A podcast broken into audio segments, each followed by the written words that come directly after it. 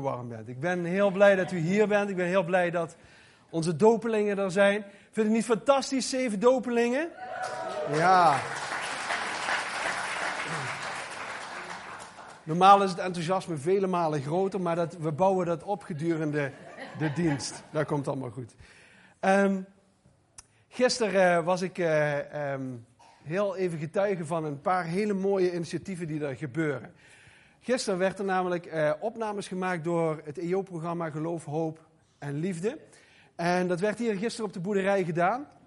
Met Berke Willems en de hele motorclub die daarbij hoort. We hebben een uh, motorclub, dus alle mannen die, ik zal maar zeggen, uh, iets van een motor hebben en voelen in hun lijf, ik moet me naar buiten toe en ik moet me daar aan geven.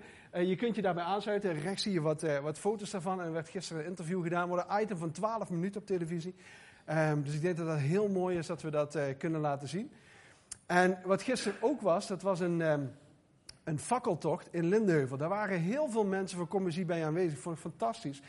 Maar het mooie van die fakkeltocht was eigenlijk om een soort tegengeluid te laten horen aan mensen die kampen met depressie en met geestelijke ziektes. En dat wel een van de initiatiefnemers is uh, um, uh, Bianca Sele. Ben je hier, Bianca, of niet? Die zit beneden. Um, maar die heeft dat fantastisch gedaan. Er waren, ik denk, 160, 170 mensen waren daarbij aanwezig. Eén stoet lange fakkels door uh, um, de wijk Lindenheuvel. ja, ik denk een heel groot getuigenis voor dat, datgene wat daar gebeurde. Maar ook om een soort ja, verweer te brengen tegen mensen die met dit soort problemen kampen. Het was indrukwekkend om daarbij te zijn. En weet u wat ik zo mooi vind? Is dat op verschillende plekken eh, door commissieleden, op de plek waar dat ze wonen, dat ze van verschil zijn eh, in de samenleving waar daarin dat ze zijn. Wat gisteren ook nog gedaan werd, was een hele grote kledingdag in Park City Church in Heerlen. Daar waren ook een heel aantal commissiers bij aanwezig. Um, het werd in een kerk hier iets verderop uh, gedaan. En die kledingdag daar heb ik geen foto's van, maar op die kledingdag waren ook veel mensen aanwezig. De hele wijk komt dan over de vloer en kunnen allerlei soorten kleding uitzoeken. Maar ook dat was fantastisch. En u heeft aan het Helpcenter ook weer bijgedragen door een hele hoop producten te brengen. En ik geloof dat, dat alle pakketten bijna gevuld zijn. Er mag nog wat meer bij. Klopt dat wat ik zeg? Maar er is in ieder geval heel veel gegeven en we zijn jullie daar ontzettend, ontzettend dankbaar voor. En mooi is dat we dat als kerk samen kunnen doen. Dat je van verschil mag zijn, van betekenis mag zijn hier in de omgeving. Mooi of niet? Ja, ja precies. U merkt al, het enthousiasme begint een beetje te komen. Goed, wij hebben zeven dopelingen, maar van vier dopelingen hebben we een getuigenis opgenomen. En we gaan eerst kijken naar, uh, en dat ga ik een beetje verweven in de preek.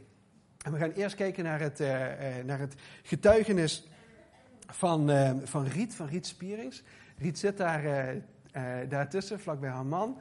En ik zou zeggen, kijk en geniet.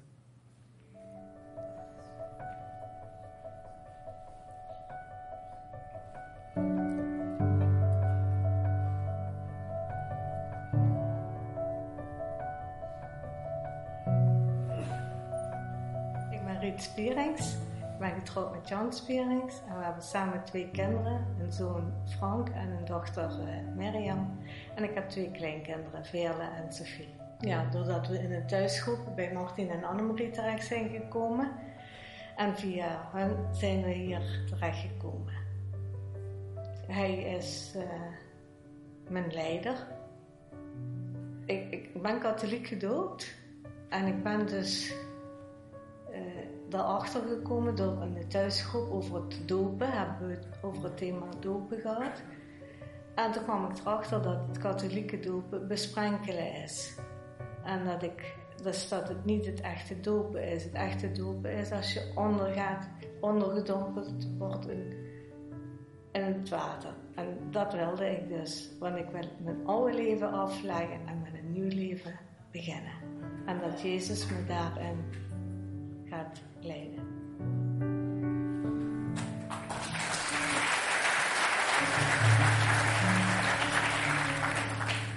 Mooi Riet, heel mooi. Dankjewel daarvoor. Want weet je wat het mooie is van zo'n getuigenis? Je bemoedigt daar anderen ook weer mee. Um, Ik ben uh, de afgelopen drie weken ben ik in Amerika geweest. Ja, helemaal aan de andere kant van de grote plas. En uh, ik heb daar mijn zus bezocht. En uh, ja, dat was fantastic, amazing, incredible. ze gebruiken alle overtreffende trappen die er zijn. Maar het was zo ontzettend gaaf en uh, zo inspirerend om daar te zijn. En weet u wat het is? Elke keer als je in andere omgevingen komt, dan inspireert me dat ook om. Uh, ja, ik ga dan weer nieuwe dingen van God zien en nieuwe dingen van God meemaken. En een van de dingen die ik daar zag, die me ontzettend uh, heeft, heeft gepakt, is dat er zo ontzettend veel kerken zijn daar. Ontzettend veel kerken. Op elke hoek van de straat daar staat een kerk. En ik vroeg aan mijn zus, hoeveel, ja, wat, wat schat je nou in, wat is het percentage van het aantal christenen daar? Nou zegt ze, dat gaat al gauw naar de 80% van de mensen die daar wonen, zijn christen. En die hebben natuurlijk allemaal een plekje nodig om naartoe te gaan. Maar wat nou zo leuk is in die kerken daar in Amerika, is dat ze voor de kerk hebben ze een bord staan, een soort aankondigingsbord. En dan zetten ze verschillende boodschappen op. En daar kun je van alles van vinden. Maar ik vond het erg leuk. En ik heb twee van die borden heb ik meegenomen. Het linkerbord. ik weet niet of je een beetje Engels kent, maar ik heb de vertaling eronder gezet. Sin kills, guns don't. Ja, dat vond ik nou echt een typisch Amerikaans bord. Zonder dood, eh, maar geweren niet. Ja, je kunt er van alles van denken. En die andere vond ik ook wel leuk. Uh, om negen uur kun je naar de dienst komen. Dan is er meditations, ik zal maar zeggen, gewoon in stilte gebed uh, hebben met elkaar. En dan stond eronder geschreven, you have the right to remain silent. Dat wordt natuurlijk gezegd op het moment dat iemand wordt opgepakt door de politie. En toen dacht ik, nou dan moeten er nog wel veel meer borden zijn. Dus ik heb er nog eentje opgezocht. Die ja, hij is niet zo goed te lezen, maar ik vond hem wel heel erg grappig. Whoever stole our mower God will get you. Wie de grasmaaier gestolen heeft, God zal je toch wel krijgen. Fantastisch, fantastisch. En de volgende is eigenlijk de beste. Now is a good time to visit our church. Our pastor is on vacation.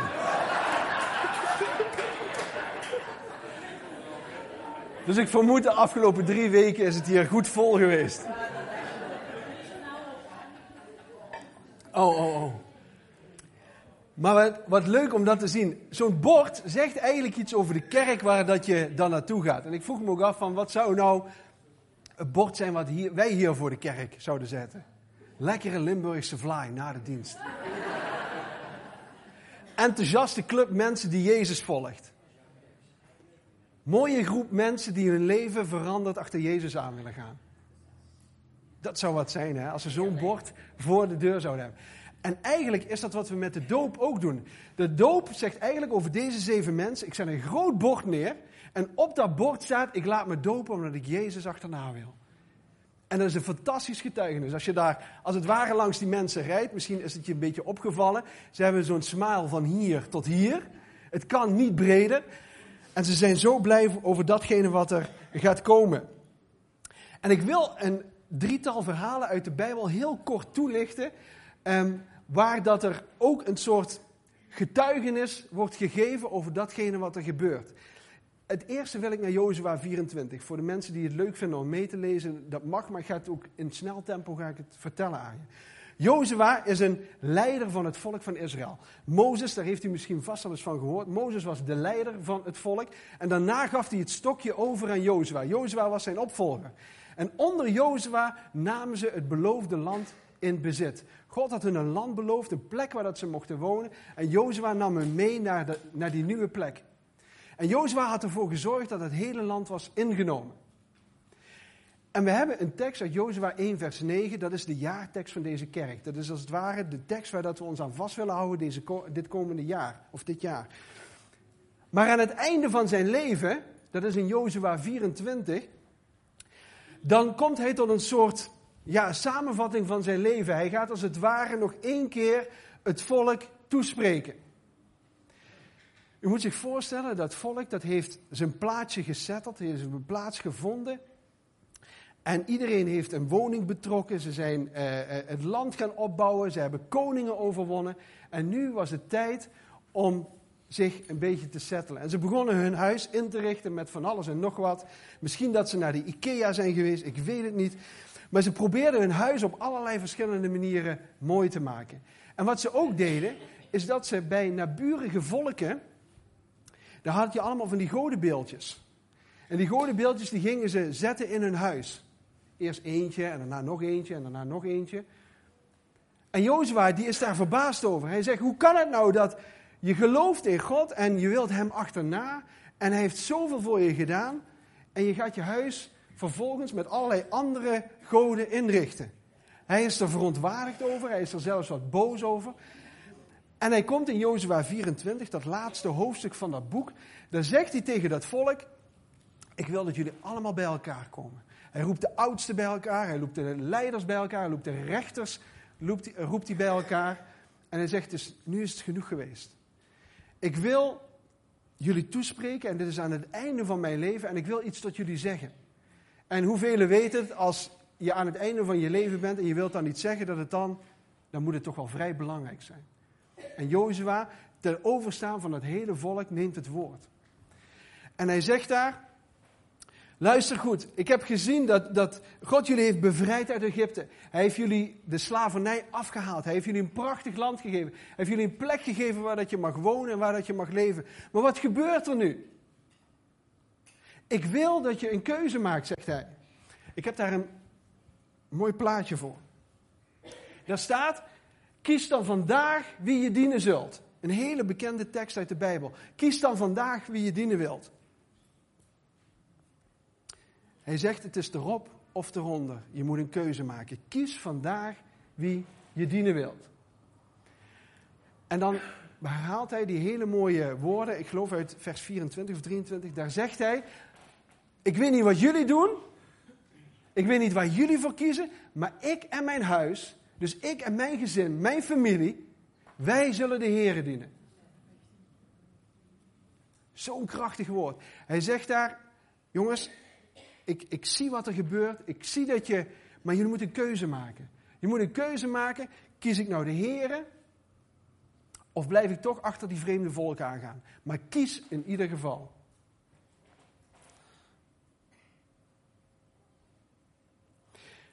skippen we wat verder in de Bijbel, een paar, uh, paar boeken verder, en dan komen we in 1 Koningen, 1 Koningen 18.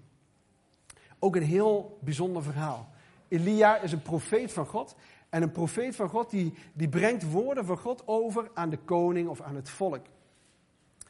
En Elia die, uh, die wordt door God aangesproken en uh, God zegt hem, er is drie jaar hongersnood geweest. Er is geen druppel water gevallen. Maar ik wil dat je naar de koning toe gaat, naar koning Agab. En ik wil dat je daar gaat vertellen dat er regen gaat komen. Het land gaat weer opleven. En eh,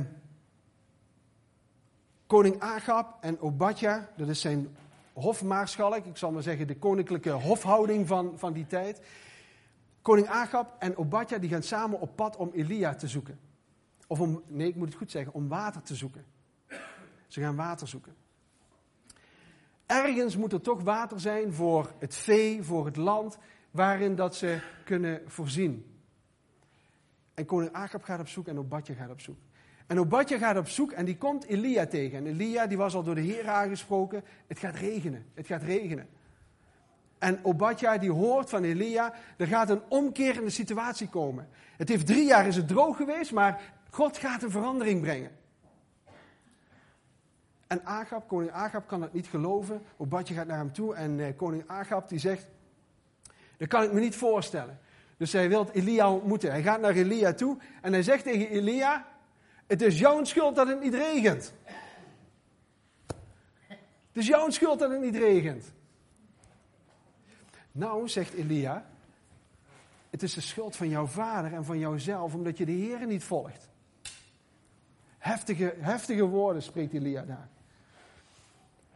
En het frappante is dat Obadja op zoek gaat naar Elia en het antwoord vindt op het probleem wat er speelt. Maar Agab ontmoet diezelfde Elia en die begint Elia te verwijten, schuld te geven over datgene wat er is gebeurd. En ik merk dat dat bij onszelf ook kan gebeuren. Als wij op zoek gaan naar een antwoord van God, op wat voor manier dan ook. Ehm, de een die vindt het antwoord doordat er een boodschap wordt gegeven die die snapt, die die begrijpt en die binnenkomt. Alleen iemand anders hoort het precies anders. En deze koning Agab die hoort het precies anders. nou zegt Elia, ik weet het goed gemaakt. Ik ga net zoals Jozua een volksvergadering plannen. Iedereen moet samenkomen. En dan krijg je dat verhaal over die stieren die op dat, uh, op die, op dat altaar worden gelegd en dat er water overheen wordt gekiept. De, beetje, de beetje ingewijde mensen die, die kennen dat verhaal. Maar voordat dat gaat beginnen, voordat die showdown als het ware gaat beginnen, dan zegt Elia, hoe lang blijven jullie nog op twee gedachten hinken? Hebben jullie wel eens gehinkt? Dat hou je niet zo lang vol. Helemaal niet zo lang. En dat is wat Elia hier zegt. Lieve mensen, hoe lang blijf je nog op twee gedachten hinken? Dan zegt hij, als de Heer jullie God is, dien hem dan. Maar als Baal jullie God is, dus die andere God, dien hem dan. Elia zegt, je moet een keuze maken. Je moet een keuze maken. Je kunt niet op twee gedachten blijven hinken. Nieuwe Testament. Handelingen. De Heilige Geest is net uitgestort. En uh, dat gebeurde in zo'n soort bovenkamer, zoals dat hier is. De ruimte die begon te rammelen door alles wat er gebeurde. En de mensen die gingen de straat op en vertelden over wat Jezus had gedaan. Dat hij aan het kruis was gestorven, dat hij was opgestaan uit de dood, dat hij aan hun was verschenen en dat hij was opgevaren naar de hemel. Het was een geweldige gebeurtenis op dat moment. En Petrus, die ziet dat allemaal aan, die ziet dat, dat, dat volk van Jeruzalem, die ziet hij daar staan. En hij gaat naar het plein van Jeruzalem toe. Dat plein waar dat iedereen samenkomt, waar dat alle mensen zijn. En hij neemt daar het woord. Misschien gaat hij op een sinaasappelkistje staan, misschien gaat hij op een trap staan, op een verhoging. Maar hij begint te preken, hij begint te spreken over de mensen. En hij zegt, jullie zijn er eigenlijk allemaal schuld aan dat Jezus aan het kruis is genageld. Jullie hebben hem zien rondlopen. Jullie hebben gezien dat hij wonderen en tekenen deed. Jullie hebben gezien dat hij doden heeft opgewekt. Jullie hebben gezien wat hij allemaal deed. Jullie hebben naar zijn leer geluisterd. En net zoals dat ik hier eigenlijk zei van nou, je merkt dat het steeds, hè, dat het steeds een stapje hoger gaat, begon het daar ook. Hij begon zijn toespraak te brengen en het, dat nam toe, dat nam toe en dat nam toe.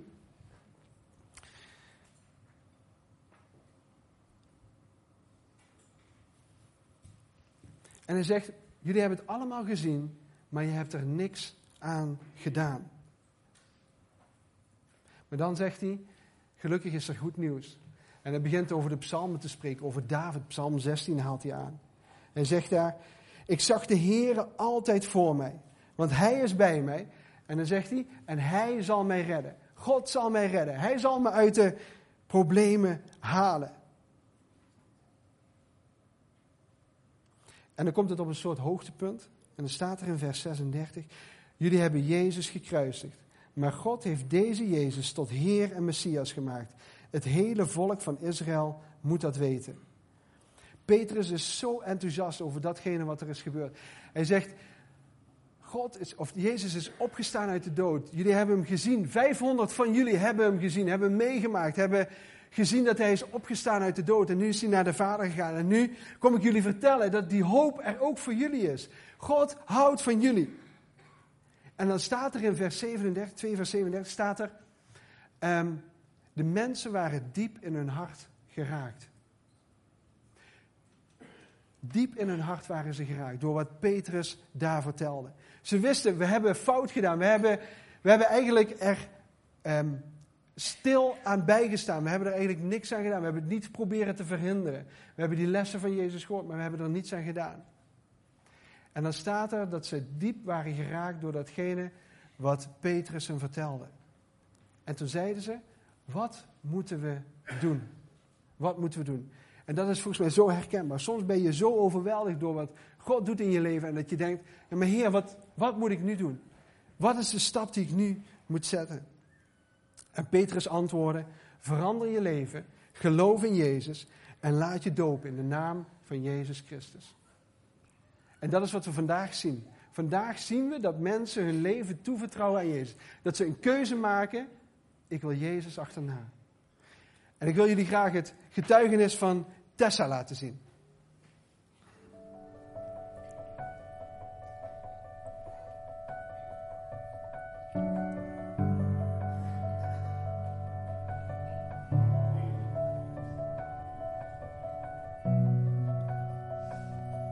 Tessa Klappers, getrouwd met Martin Klappers. En uh, we hebben samen een uh, zoon Storm.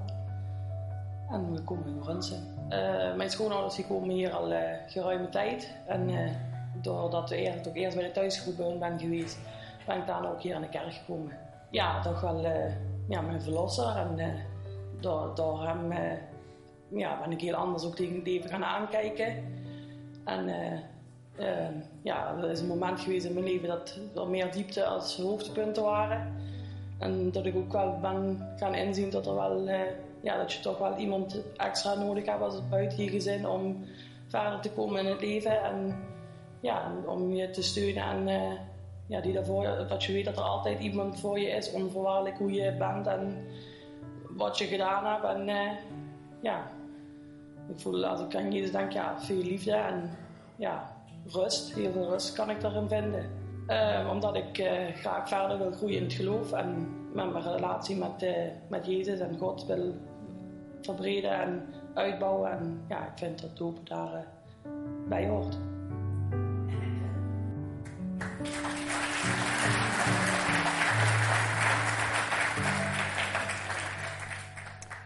Moedige Tessa. Tessa stuurde mij een paar weken geleden een WhatsApp met het nieuws dat ze zich wilde laten dopen. Maar er was wat bijzonders gebeurd bij Tessa en ik heb gevraagd of ik dat WhatsAppje even aan jullie voor mag lezen. En dat mocht. Hoi hoi, ik ben Tessa en ik stuur even een WhatsAppje. Ik heb vanmorgen voor het eerst echt een aanraking van God gehad. Ik merkte ook dat hij tegen me sprak. Het was een emotioneel moment en ik ben er nog steeds van onder de indruk. Het komt er kort op neer dat ik me al even aan het afvragen was waarom ik mezelf niet laat dopen. Maar ik weet het niet, iets hield me tegen. En gisteren vertelde Riet, die jullie net hebben gezien, vertelde Riet dat ze zich laat dopen. En toen dacht ik bij mezelf, waarom doe ik dat niet? Vanmorgen had ik muziek van Hillsong aanstaan en daar kwam het liedje I Surrender ik geef me over, betekent dat. En ik was aan het meezingen en ik hoor opeens, waarom geef je je niet over aan mij? En ik schrok, want de vraag die herhaalde zich. Ik kon de vraag letterlijk horen. Op hetzelfde moment was het alsof iemand mij dicht tegen zich aandrukte. En ik voelde zoveel liefde en warmte door me heen gaan. En iemand die tegen me zei: Geef jezelf maar over. Ik zorg wel voor je. Ik wist meteen dat het de Heer was die tot me sprak. En ik brak ook op dat moment. Dit was vanmorgen zo bijzonder dat ik me heel graag de dertigste wil laten dopen. Mooi hè?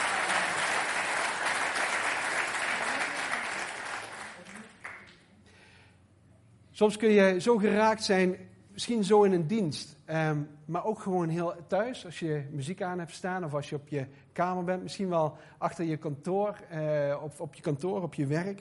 Maar God kan iets bijzonders doen op het moment als je je openstelt voor Hem. En ik zou je ook graag het getuigenis van Annemarie willen laten zien.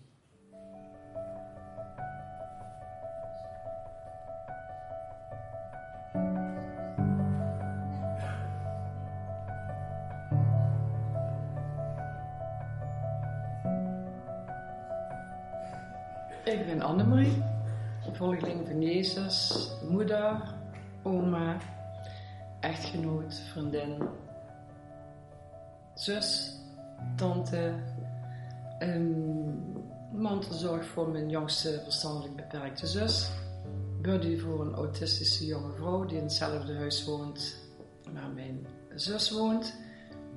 En ik werk nu drie dagen in de week in de horeca. En verder sta ik volop in het leven. Uh, ik ben in deze kerk gekomen door twee zusters van deze gemeente die ik ontmoette een jaar geleden. En uh, ik werd zo geïnspireerd door hun enthousiasme, hun blijdschap. En daarna gingen ze me uitnodigen van uh, kom eens naar onze kerk en dat heb ik gedaan. En ik ben er heel erg dankbaar voor dat ik hun ontmoet heb. Jezus is in mijn leven heel erg belangrijk. Hij heeft gezegd van via mij kun je tot God de Vader komen en dat wil ik heel graag. Hij is mijn redder, hij is aan het kruis gestorven en heeft alles in, al mijn zonden op zich genomen. En verder is hij mijn hele leven is hij al bij me geweest vanaf mijn geboorte. Ik ben geboren in een heel uh, gelovig gezin, altijd met Jezus in aanraking geweest, ook heel veel uh, godsmomenten beleefd. Hele mooie ja, tijd gehad tot mijn volwassenheid.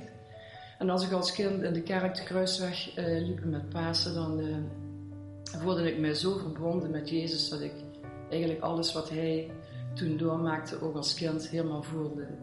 Niet dat dat uh, als een trauma voor me was, maar wel dat ik me echt helemaal kon inleven in hoe hij het toen heeft gehad. En dat ervaar ik nu op dit moment nog in mijn leven. Dus als bijvoorbeeld ik slag na slag krijg dan uh, denk ik, ja, dat is eigenlijk de geesteling die Jezus heeft doorgemaakt.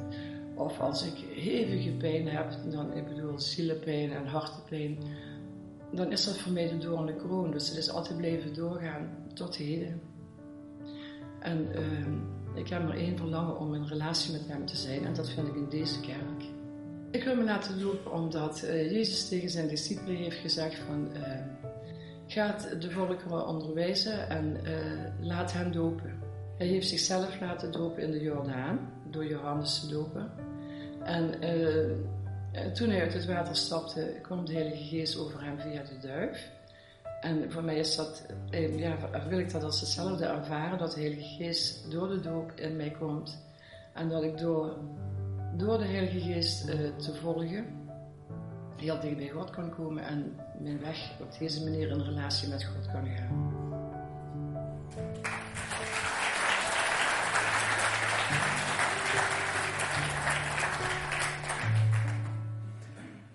Mooi, maar waarom laten we deze getuigenissen nou zien en waarom vertel ik die drie verhalen uit de Bijbel?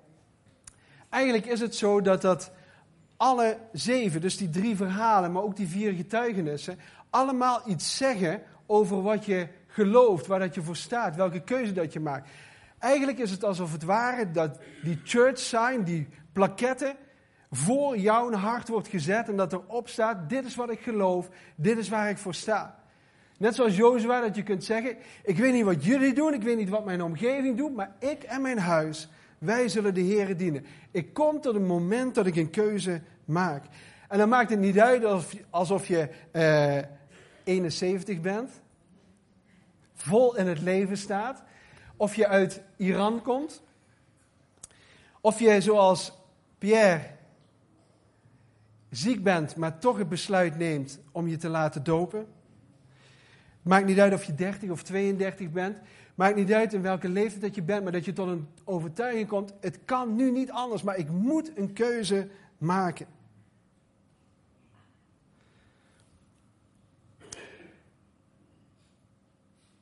En die verhalen uit de Bijbel, maar ook de verhalen die we hier op dat scherm zien, gaat eigenlijk over de moed en de durf die mensen hebben.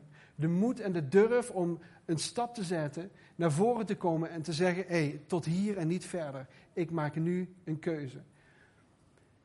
En eigenlijk geldt dat voor ons allemaal.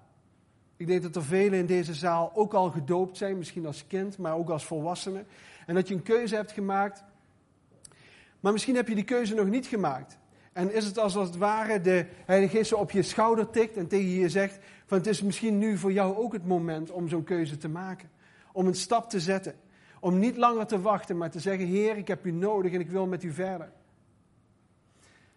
Maar misschien heeft die keuze ook wel met iets anders te maken. Misschien heeft het ook wel te maken dat je al jarenlang een slechte relatie hebt. Dat je met mensen in onmin leeft. Dat je een relatie moet herstellen. En misschien is vandaag al het moment dat je op je schouder wordt getikt en dat er wordt gezegd: het wordt tijd dat je het in orde maakt. Misschien is het wel dat je al jarenlang het goede voornemen hebt om s'morgens wat vroeger op te staan, de Bijbel open te slaan en stille tijd te hebben, te bidden. Misschien is vandaag wel het moment dat je op je schouder wordt getikt en weet, ik moet nu een keuze maken. Misschien is vandaag ook wel het moment om slechte gewoontes die je in je leven hebt, die al jaren deel uitmaken van jouw leven, om die achter je te laten en een nieuw begin te maken. Want dat is waar deze dienst vandaag over gaat. Over een nieuw begin maken. Een nieuwe start maken samen met Jezus. En het is net zoals die dopelingen. Ze hebben het idee, ik kan niet op twee gedachten blijven hinken.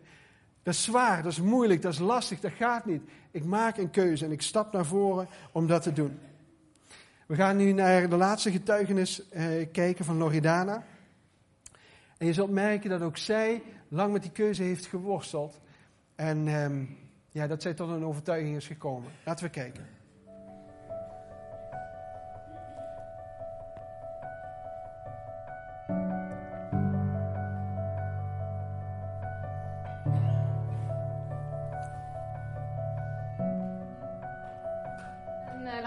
Tedeschi, 32 jaar, afkomstig uit Genk. En ik ben hier terechtgekomen via mijn collega Nancy van Kessel. Mijn vriend Jonathan en ik komen nu bijna anderhalf jaar naar Commenzie in, uh, in Schinnen. Het werd ons meteen duidelijk van, dit is het, uh, dit wordt onze kerk. Jezus voor mij is, is mijn vertrouwenspersoon, waar ik uh, altijd op kan rekenen. En die ondanks ehm, mijn fouten enorm veel van mij houdt. En um, die mij ook vasthoudt wanneer ik hem loslaat. Er is een periode geweest um, in mijn leven dat, dat ik het heel erg moeilijk had. Dat ik met een enorm groot schuldgevoel rondliep. Um, en ik wist niet welke kant ik uit moest. Ik had uh, mijn familie en vrienden enorm veel pijn gedaan, veel verdriet. En er was ook veel onbegrip. Ik kon ook nergens terecht met mijn verhaal. Nu, er is altijd wel een, een, nieuwsgierigheid geweest naar God toe, maar was, was erg oppervlakkig. Um, ik kende God niet en ik wist niet eens hoe ik goed moest bidden, maar er was wel altijd iets in mij dat zei: praat met Hem, praat met God. En op dat moment vroeg ik Hem simpel: um, God, vergeef mij. Ik geef mij over, maak mij terug gelukkig. En um, al gauw merkte ik dat, um, dat God mij mensen op mijn pad zette die me steeds dichter naar Hem bracht. En uh, meer en meer kon ik zijn liefde voelen. Um, ik kreeg meer rust in mijn hart. Hij gaf mij uh, vreugde en blijdschap. Maar het allerbelangrijkste op dat moment was dat Hij mij had vergeven en, en genezen. En ik ben Hem enorm dankbaar dat ik door die periode heen ben moeten gaan om Hem zo beter te leren kennen. Um, zonder God ben ik niets, weet ik niets, kan ik niets, maar door Hem mag ik, uh, mag ik leven als overwinnaar, omdat Hij um, de prijs heeft betaald om te lijden en te sterven aan het kruis. Voor mij is Jezus mijn grote held.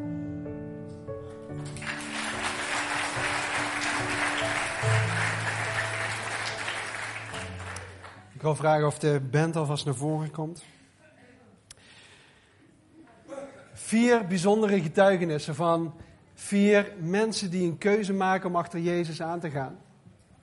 En zometeen bij het doopbad zullen jullie nog de drie andere getuigenissen horen. En een beetje horen wat hun achtergrond en hun eh, motivatie is geweest om dat te kiezen. Maar ik begon deze dienst met te vertellen dat ik in Amerika was geweest en dat daar van die prachtige borden voor de kerk stonden. Maar ik vraag me af, als mensen langs jou zouden rijden, langs u zouden rijden, wat voor een bord zouden ze dan lezen? Wat zou er dan op jouw bord geschreven staan? Wat zou er in hoofdletters, in kapitale letters staan over jouw leven? Wat voor een koers zou jij willen kiezen voor jouw leven? Wat voor een keuze heb jij gemaakt in jouw leven? En ik denk dat het niet zo moeilijk is, is dan keuzes maken. Om tot een keuze te komen. En dat kan veel spanning met zich meebrengen. Het kan zorgen dat je gaat twijfelen, dat je denkt van wat is nu het juiste. Maar eigenlijk zouden we allemaal zo'n soort Jozua-moment moeten hebben, zo'n Elia-moment moeten hebben, zo'n Petrus-moment moeten hebben en moeten zeggen, hé, hey, tot hier en niet verder. Hier maak ik een keuze. En hier sta ik voor. Dit is waar dat ik voor ga.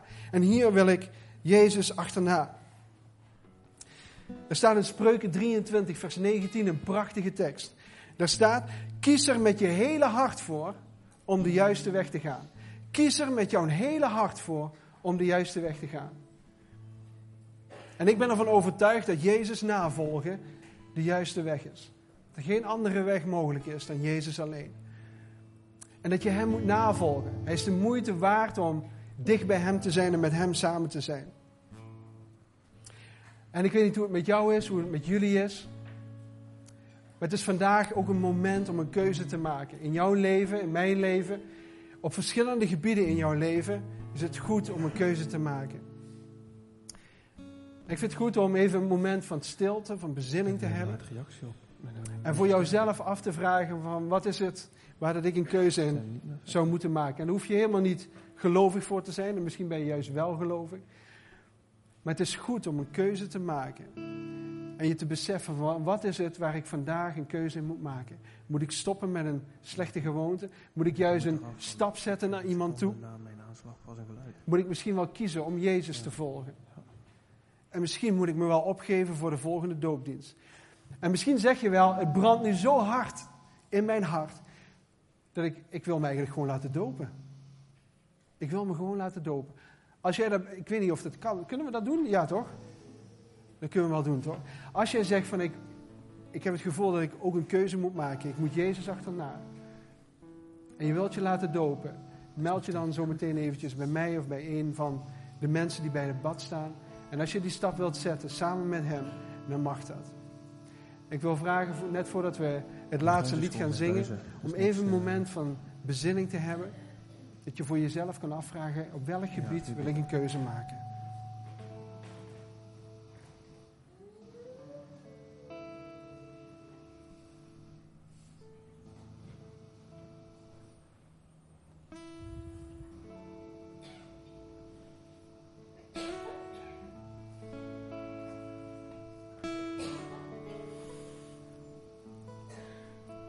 Hemelse Vader, wij dank u zo, Heer, voor momenten zoals deze.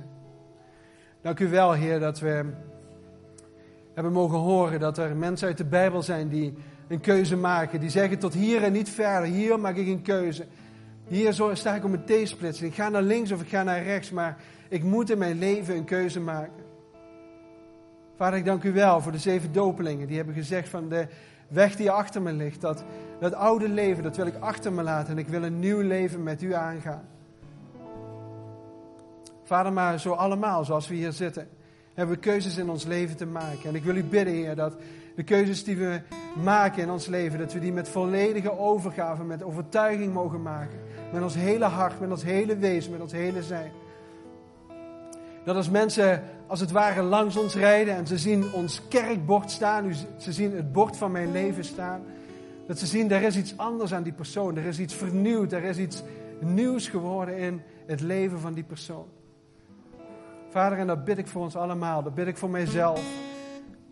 Heer, dat de keuzes die ik maak in mijn leven gericht zullen zijn op U. Heer, dat het keuzes zullen zijn die U zullen eren.